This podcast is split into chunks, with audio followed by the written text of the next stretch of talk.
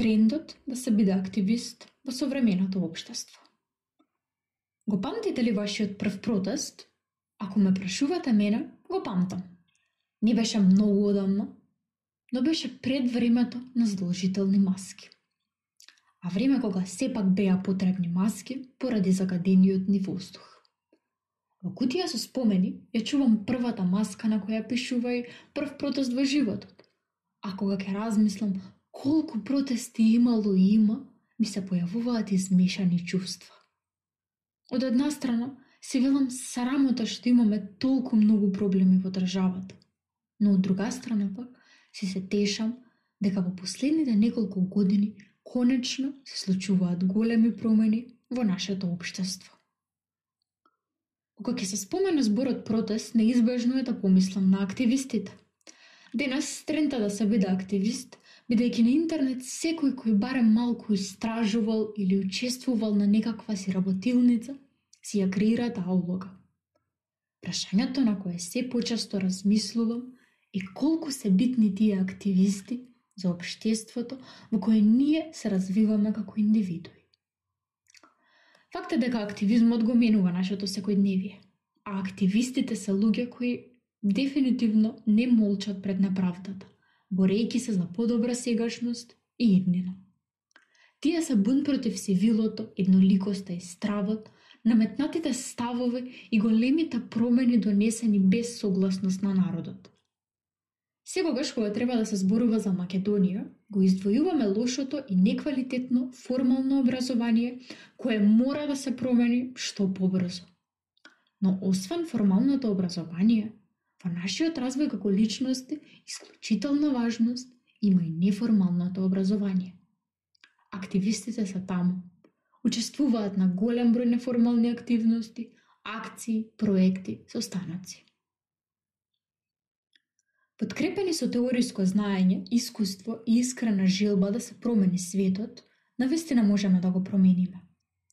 Невозможно е промените да дојдат наеднаш, но верувајте ми дека вреди да се биде активен во заедницата и да се почне од најмалите секојдневни активности.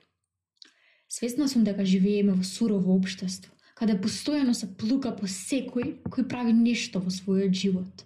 Секој кој се залага за одредена тема може да се најде во ситуација каде ќе биде навредуван и осудуван. Но, добро бе луѓе, зарем секој кој сака да направи некаква промена во обштеството, трча по политички поени, подобра позиција или профит? Секако дека не. Кога веќе трчаат по нешто, повеќето од нив не го прават тоа за својата лична корист. Напротив, тие се залагаат за понапредна заедница во која секој човек ги ужива своите права еднакво со тој другиот. Замислете го светот без бунтувачи. Не е жив, нема боја, ниту праведност, нема борба, ниту промена, нема надеж, ниту иднина. Замислете да не беа феминистките или екоактивистите или сите други активисти кои се уште гласно зборуваат за еден куп проблеми кои натежнуваат. Замислете никој да не говореше гласно, да не се дебатираше, да не се презема акции за спречување на дискриминацијата. Замислете да не се пишуваше, да не се правеа подкасти, клубови и што ли уште не. Замислете сите да бевме молчеливи и незаинтересирани пред беззаконието, безправието, злоделата, насилството.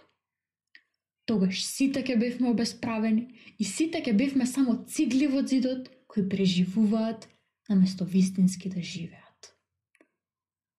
На крајот од денот, заслужено или не, улогата активист навистина може да ја добие секој. Но и оние кои се немаат доделено таква улога, им препорачувам да се заинтересираат за светот во кој живеат. Ние сме млади и во нас навистина има потенцијал да се промени се што веќе не ни се допаѓа во заедницата. А следниот пат кога ќе бидете во ситуација да треба да одлучите дали да останете тивки и незаинтересирани или да застанете гордо и со крината глава да се соочите против отсутството на правда, се надавам дека ќе се видиме на некој мирен протест или акција. Надеж дека на вистина одиме кон подобро и поддршка до активистите и нивната значајна дејност во денешниот ни свет. Прифаќајте ги и размислувајте само за конструктивните критики. Останете гласни и борбени, креативни и самоуверени. Светот не би имал надеж ако не постоевте вие, драги активисти.